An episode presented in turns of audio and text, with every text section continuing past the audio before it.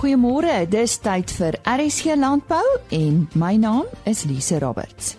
Absa Agribesigheid praat ver oggend met ons oor die bruto binnelandse produk syfers wat verlede week bekend gemaak is. Dan praat ons met 'n landbouekonoom oor die pluimveebedryf en vroeg in April vind 'n internasionale sorghum kongres in Kaapstad plaas en ons vind bietjie meer uit daaroor. Elmarie Helberg het uh, by die Graan SA Kongres verlede week 'n draai gemaak en daar met Konse Maraba gesels. Sy's van Absa Agribesigheid en hulle praat eerstens oor die BBP syfers wat op 6 Maart bekend gemaak is. Stats SA released their quarter four numbers yesterday, and we saw that agriculture was the winner of this race.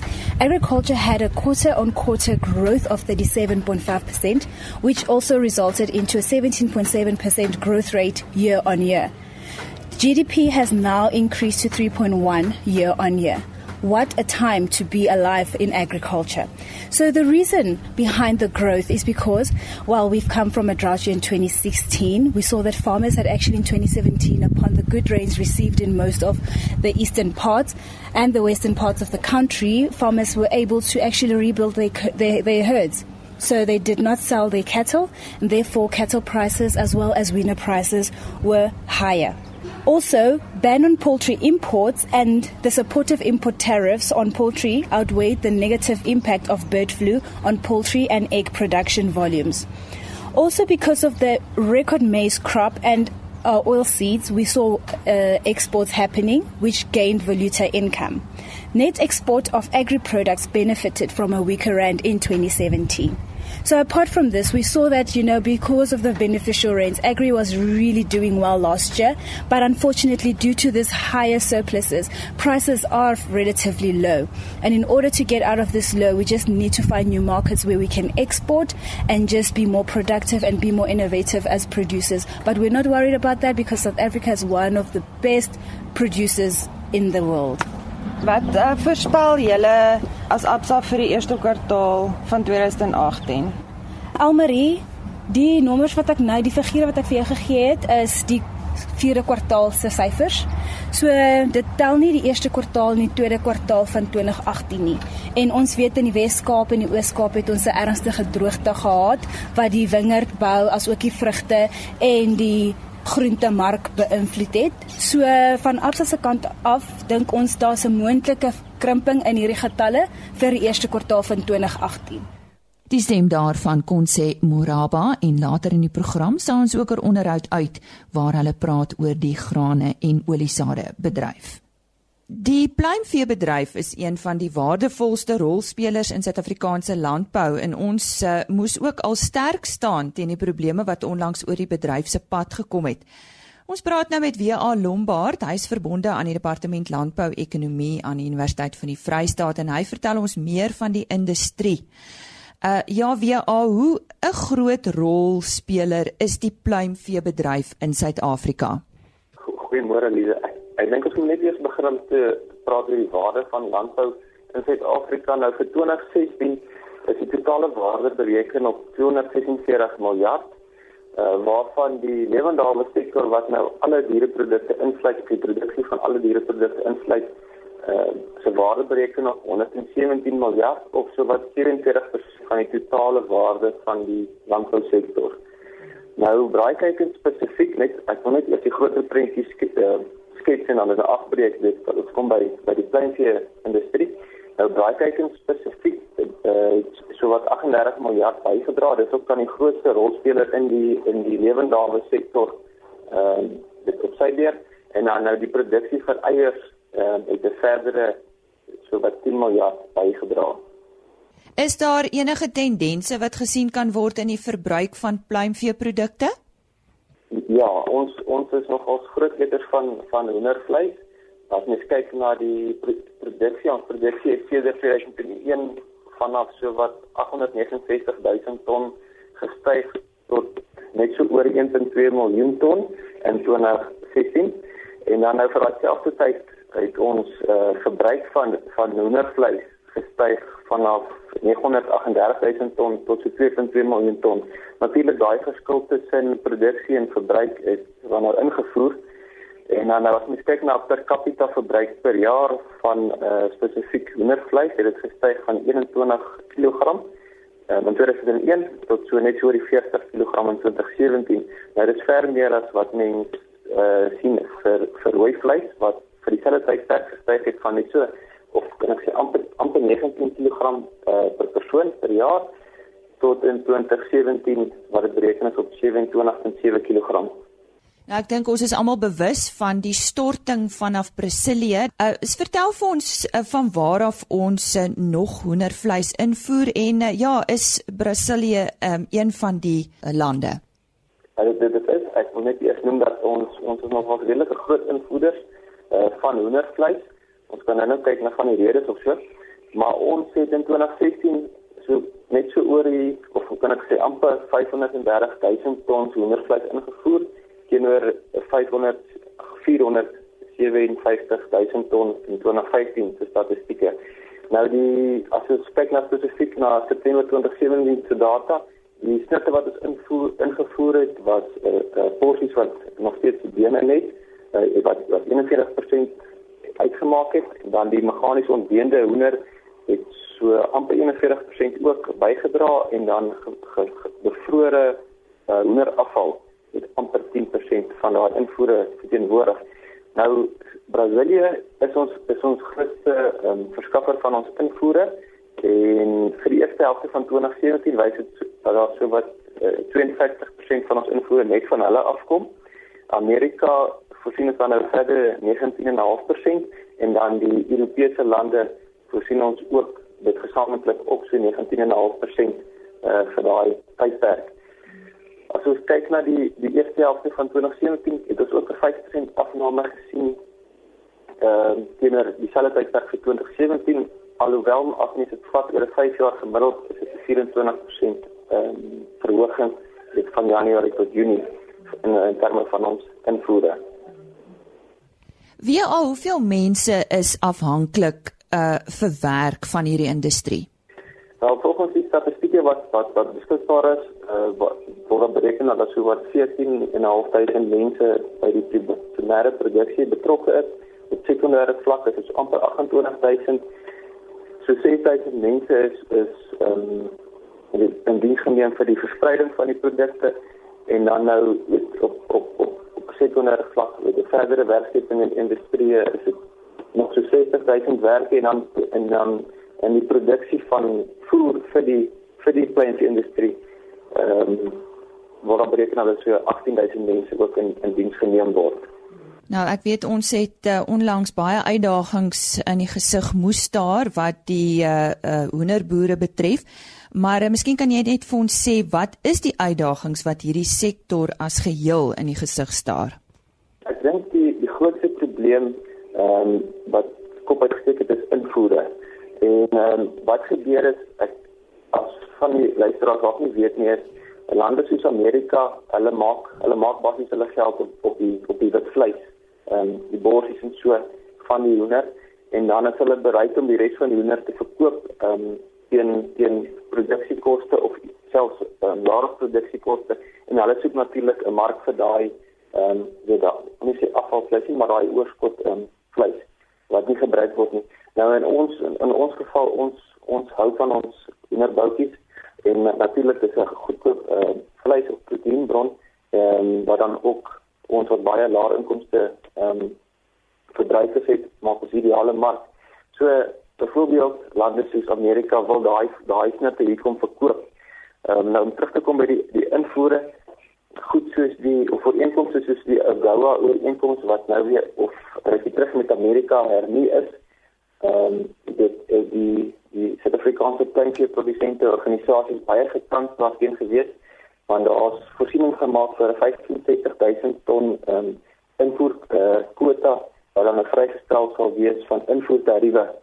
Ehm um, dit maar op maar dit is nou die een kant van die prentjie en die ander kant wil ons deel wees van hierdie ooreenkoms of die regering omdat ons ander produkte uitvoer na Amerika toe. So dis maar 'n dis maar 'n balanseer toertjie maar ek uh, ek is van die mening dat ons kleinvee um, bedryf dalk aan die kortste strootjie getrek het in die geval. En uh, as mens kyk na van die implikasies Hulle het hulle dadelik wat hulle gekantien het en as jy net kyk na van die werksverliese ehm um, groepe soos soos Rainbow Chickens wat dan nou deel is van die, die ACL Foods groep het reeds aangedui dat hulle mense afgedank het. Spesifieke syfers is nie ehm um, beskikbaar nie, maar ehm um, 'n raaiskoot wat mense raak lees is dit dat daar reeds so tussen 4 en 5000 mense ehm um, afgedank is of geaffekteer is deur die um, goed op ingevoerde hoenderprodukte en dat daar dit moontlik nog 110000 mense ehm um, moeilikheid kan kry van dit. Ander goed wat ander of ander probleem wat ehm um, dalk nie op die oomblik 'n probleem is nie, maar in die verlede was is natuurlik voerpryse wat afhanklik is van van meestal die mielieprys, maar kom ek sê met die oomblik 'n probleem nie is omdat mielies op die oomblik goedkoop is, so die hoenderprodusente en eierprodusente kan op die oomblik bietjie asem skep.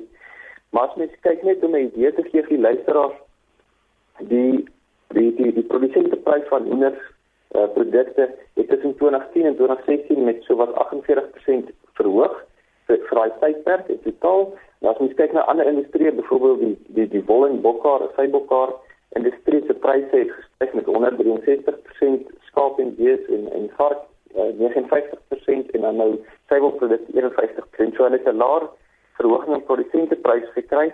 En as ons opkyk na die die verhoging in insetkoste vir daai selfde tyd, het dit gestyg met 55% en die prys van van voer het gestyg met 63%. So basies wat gebeur het, hulle verhoging in produkpryse het nie tred gehou met met die verhoging in in insetkoste nie. Ehm um, dit en dit het ook druk op hulle marges geplaas, maar ek vermoed as daar meer uh, onlangse data uh, beskikbaar gestel sal word, sal ons sien dat hulle dan nou met die goed vir mielieprys bietjie voordeel sal trek. Ja, dit was dan die stem van WA Lombard en hy het met ons gesels oor uh, oor die pluimveebedryf in Suid-Afrika en hy is verbonde aan die departement landbou-ekonomie aan die Universiteit van die Vrystaat. Elmarie Elberg sit na haar gesprek voort met Konse Maraba van Absa Agribesigheid. Die eerste landbouvooruitskouing vir 2018 is onlangs deur Absa uh, uitgereik. Wat wil jy hieroor sê? Uh hierdie landbou vooruitskouing uh Elmarie uh gaan oor die grane en die oliesade, asook die wingerdbou en die vrugte en die ekonomie en die weer. So ons het gefokus op die droogte, hoe dit ons tafeldrywe be, uh gaan beïnvloed, ons ons vrugte, die uitvoere in die Wes-Kaap en hoe dit in die, die ekonomie gaan beïnvloed vorentoe. Net soos jy nou net gevra het oor die actual bruto binnelandse produk se se grootte of verkrimping wat ons vooruitskou. Ehm um, ons fokus ook op die graan en die oliesade want dis dit dit was geskryf gedurende die plantseisoen. So ons het gepraat oor die weer, hoe die laat uh, reën nou beïnvloed het dat sommige plante nou sommige plante nie kon realiseer nie en hoekom ons nou 'n kleiner hektare verwag en hoe die produsente vorentoe gaan beweeg. Miskien meer geel mielies plant as wit mielies, meer sonneblomme as die mielies want reën het eers na die optimale tyd aangekom. Maar dit is 'n goeie vooruitskouing. Ons sien baie uit daarna. Uh Absa is baie trots op hierdie vooruitskouing want dit fokus, dit is op tyd. Dit fokus op die goed wat nou regtig saak maak en Dit fokus ook op die koring wat nou my plantingsseisoen is en ons ons wil sien en wat produsente gaan doen in hierdie droogte. Hoe hoe versamel Absa hierdie data? Sjoe, dit is 'n dis 'n hele proses. Uh ons praat met met, met produsente ehm um, wat daarmee werk. Ons praat met die organisasies. Ons uh ons het internasionale organisasies waarmee ons werk want ons het internasionale uitskou as ook die plaaslike uitskouing. So die plaaslike uitskouing is maar net wat ons kry soos jou sage is jou jou lokale inligting wat kan ek sê jou industrie boards. Ja, soos jou hot grow vir byvoorbeeld sal ons help met die vrugte. Ja, dis 'n hele samewerking van die industrie want aan die die einde van die dag wil ons net die beste inligting uitdra vir die boere om hulle lewens makliker te maak. Ons sê baie dankie aan Elmarie Helberg wat daardie twee bydraes met Konse Maraba vandag aan ons gestuur het. En Konse is van Absa Agribesigheid en sy het sopas oor Absa Agribesigheid se vooruitskatting van die grane en oliesade bedryf. Vanaf 9 tot 12 April vanjaar word die Sorghum in the 21st Century internasionale kongres in Kaapstad aangebied. Ek praat nou met professor Neil McLaren, hy's 'n plantpatoloog verbonde aan Universiteit van die Vrystaat. Neil, vertel eers vir ons van sorghum. Die die sorghumproduk waarmee mense algemeen bekend sal wees is die multibella pap of die mabella pap. Die breinpap wat uh, besonder lekker is en ek het altyd daarna verwys na my kinders as uh, chocolate porridge.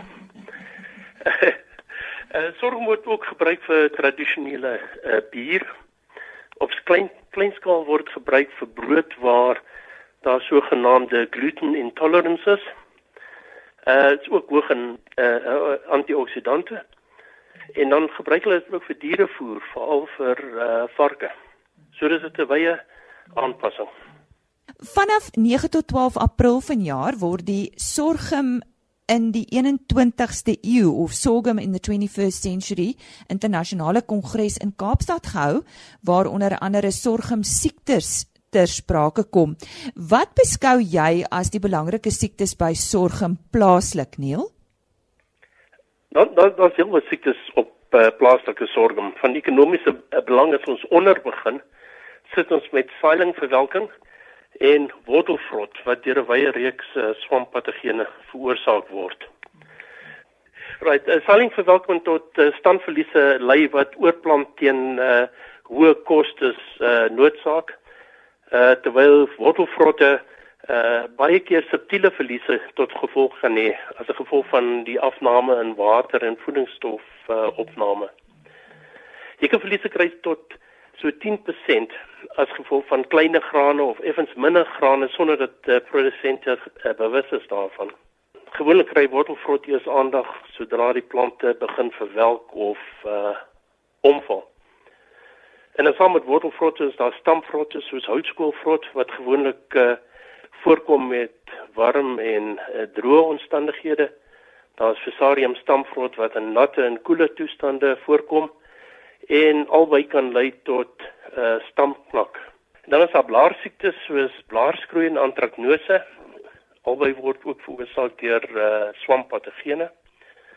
Blaarskroei is eintlik die belangrikste van die twee en eis heelwat chemiese insette in baie van ons produksieareas om verliese te voorkom. Ek het tans 'n PhD student Lisa Rotman wat besig is om 'n model te ontwikkel om drumpelwaardes en die toediening van fungisides te optimaliseer om onnodige uh, insette te voorkom. En sy gaan ook deelneem aan die kongres uh, volgende maand. Dit swamdodes is diere. Dan sit ons met graanskimmels. Dit die afgelope paar jaar aandag geniet veral in die lig van die effek van die swamkompleks op graanverwerking en die vraag oor mikotoksine of die toksine wat in die graan kan voorkom en wat gesondheidsrisiko's inhou.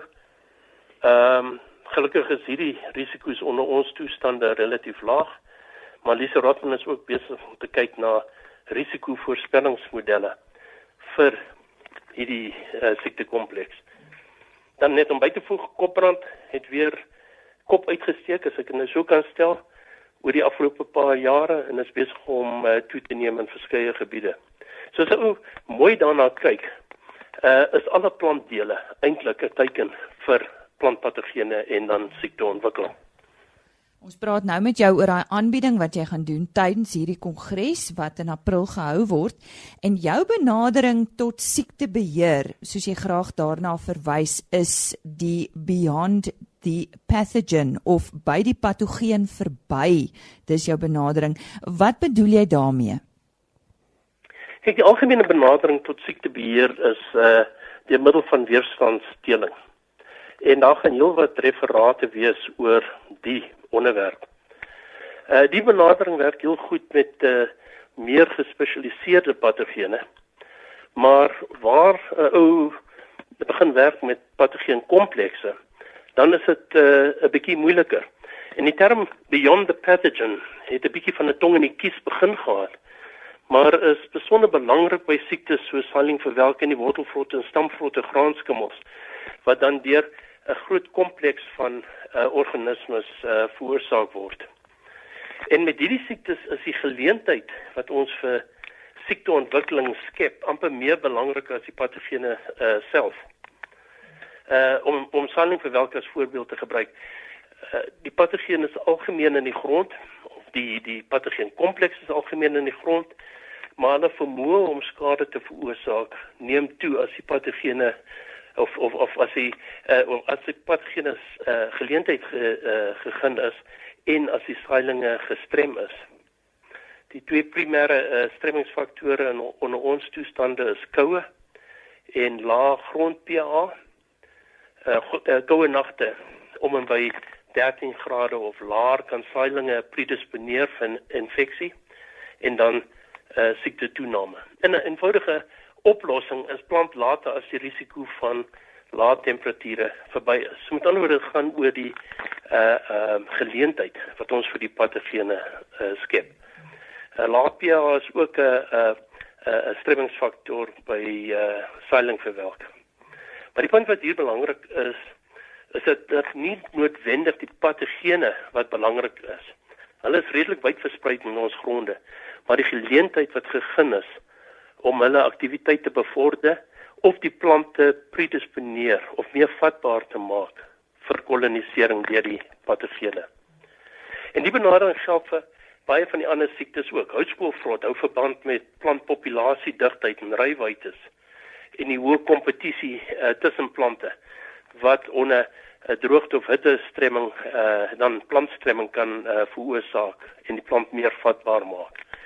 Uh Dieselfde geld vir ergot waar daar 'n verhouding is tussen styfmeelproduksie en koeler toestande uh tydens die blom van die uh sorghum wat die patogeen dan die voordeel gee. En so kan ons dan weer die lys gaan.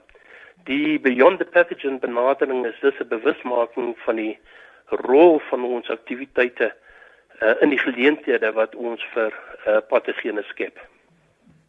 Neil, om af te sluit, ek sien daar word ongeveer 500 deelnemers verwag in Kaapstad vir hierdie kongres. Uh en hulle kom vanuit Noord- en Suid-Amerika, Australië, Indië en Afrika. Wat is jou verwagtinge van hierdie kongres? Die daar's twee twee basiese verwagtinge. Die eerste is ehm uh, die uitruil van kennis en dan ook hopelik die uitruil van plantmateriaal wat kan bydra tot siektebestuur uh en uh uh met die afname en die effek wat siektes op ons sorgproduksie het. En dan sal ons ook hopelik uh samewerkingsooreenkomste met uh, buitelandse akademiese inrigtinge kan sluit uh wat dan ook uh, vir ons studente en vir ons geleenthede sal skep uh om ons navorsing uit te brei en uh, te bevorder. As uh, iemand dalk meer wil lees oor hierdie kongres, is daar 'n webtuiste wat jy van weet, Neil? Uh, daar is 'n webtuiste op uh, Google kan 'n uh, persoon net insit sorghum in the 21st century en hy behoort dan uh te wys. So baie dankie aan professor Neil McLaren. Hy's 'n professor in plantpatologie by die Universiteit van die Vrystaat. Voor ons groet nog 'n bydra vanaf die Holliston skou.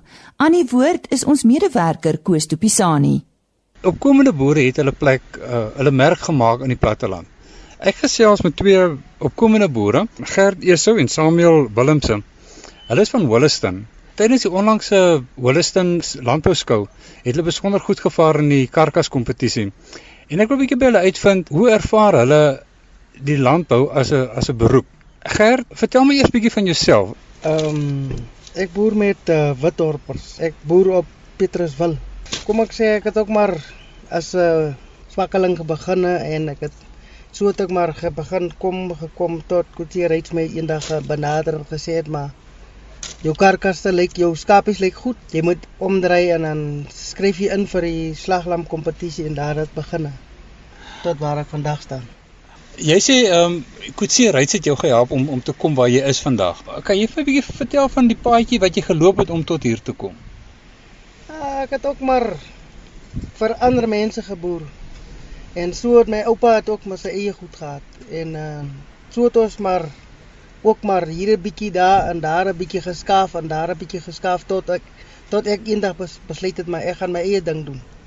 En so die, ek word koetseer is eendag benader maar meneer terwyl ons daar in die kraal staan en werk sê ek vir hom meneer maar hierdie lammers wat jy so weglê lyk vir my goed. Kan ek 'n paar van hulle koop? Sê nee, my is reg en ek koop 4. Toe sit hy 3 by. Daarvan af het my boerdery opgegaan tot op vandag. Nou, het jy jou eie grond ook of uh, huur jy grond? Ek huur nog grond by die ehm um, koöperasie. Gert, as jy moet sê word daar genoeg gedoen in die landboukringe vir die opkomende boere? Beslis ja. Want daar's baie van ons wat nie regtig wil sy hand ook uitsteek nie. So en die kommersiële boere reg rondom hom soos wat ek ek ek begin 'n boere dit baie al vir my gevra hoe ver is jou boerdery wanneer hoe hoe lyk dinge is se waarmee sukkel jy dan vra ek advies en dan gee hulle my advies en dan help hulle my op Dink jy daar daar's 'n groot toekoms vir vir opkomende boere in die landbou? Beslis ja. Daar is 'n groot toekoms vir vir vir ons almal as ons almal net wil saamwerk en mekaar bystaan. Dan sal dan sal ons sien ons sien ons 'n blink toekoms vir ons klein boere saam met die kommersiële boere hier in hier, hier in in die stad distrik waar ons boer.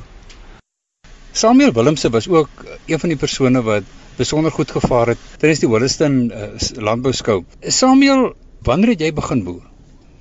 Ehm um, ek is Samuel Willemse. Ek het nou so 5 jaar terug begin boer. Ek het groot geraak op 'n plaas, my pa het gewerk op 'n plaas. Ek ken diere van kleins ek met my liefde vir diere het al van kleins af begin en uh, en so het ek almekaar aangegaan op die plaas gaan werk vakansietye en en so na na die skool as ek na skool as ek uit uh, het ek op 'n plaas begin werk. En my liefde vir diere is baie sterk. En op 'n stadium het is het, ek ek het met een skaap begin my werkgewer meneer Salomare het my met een skaap begin help en 'n uh, soortige lam en op 'n stadium het ek uh, begin belangstelling uh, uh, toon aan die klein boere en ek het uh, aansoek gedoen wat was uh, vir my 'n uh, vreeslik uitmergelend om uh, om deel te gewees het geword van die opkomende boere maar ek is toe later 'n opkomende boer en uh, so het ek aangegaan en ek en ek staan vandag waar ek vandag staan en ek is so dit nogal vir my uitdagend geweest hierdie slaglam kompetisie ek het ek het ek het eintlik aanvanklik uh, sulke deel geneem met maar dit was my uitdagend en ek het dit gedoen en ek staan vandag hierso. Aan hoeveel slaglam kompetisies het jy nou al deelgeneem? Dit hierdie is my eerste een en dit is hoekom ek sê dit is my dit is vir my 'n bietjie uitdagend geweest en dat ek dat ek die uh, tweede plek kry en dan nou die groep die eerste plek so is vir my uh, baie baie goed geweest dat ek so ver gevaar het. Tydens die slaglam kompetisie is daar nogal baie moeite gedoen uh om die opkomende boere ook te moet leer waarna om te kyk en hoe om die, die skape te beoordeel. Um het dit vir jou enige betekenis? Dit het vir my baie betekenis en uh, nou weet ek om in vervolg waarna om te kyk en so uh, as hierdie sal nou is my, my eerste uh uh slaglam kompetisie en dit sal beslis nie die laaste een wees nie. Ek sal nog hier in die koms deelneem. Sulke tipe kompetisies en inligtingsdae, um is dit uh bevorderlik vir die opkomende boer? uh, ek sal definitief uh, dit is hierdie is 'n groot geleentheid en ek dink as as as opkomende boere saam staan dan kan dit hierdie ding vir ons maak werk en ons dan is as as 'n toekoms vir ons almal saam en, en en so die rol van die opkomende boer in die in die groter uh, ekonomie ek dink ons as opkomende boere ons uh, ons is ook daar om die voedselsekerheid te bevorder wat wat vir die land help dan eintlik van jouself as jy gaan terugboer eintlik wil ek vir almal vanmôre sê ek het 'n iemand het my raad, ek meen 'n woordjie gesê. Hy sê jy moet elke dag 'n blikkie vat en dan gaan lê by, by jou skaap 'n klokkie. En ek het nie geweet wat dit wat hy bedoel nie. Maar dit het dit ek agterna geklik. Jy moet elke dag by jou skaap kom. En dit is die sleutel tot sukses. Jy moet soveel as moontlik moet jy by jou skaap kom. Want as 'n wagwoord wat sê ver van jou goed na jou skade. En dit is wat ek vandag is waar ek vandag is. Dit was dan twee boere, Gert Esau en Samuel Willemse wat met Koos de Pisani by die Williston skou gesels het. Môreoggend praat ons met Wildbedryf Suid-Afrika oor hulle konferensie en ook oor 'n buffel werkswinkel wat op 5 April plaasvind. In weerwaarhede praat hulle oor straalstrome. So, dit's baie om na uit te sien. Ons kuier graag weer saam met u. Totsiens. RSG Landbou is 'n produksie van Plaas Media. Produksieregisseur Henny Maas. Aanbieding Lisa Roberts. En inhoudskoördineerder Jolandi Root.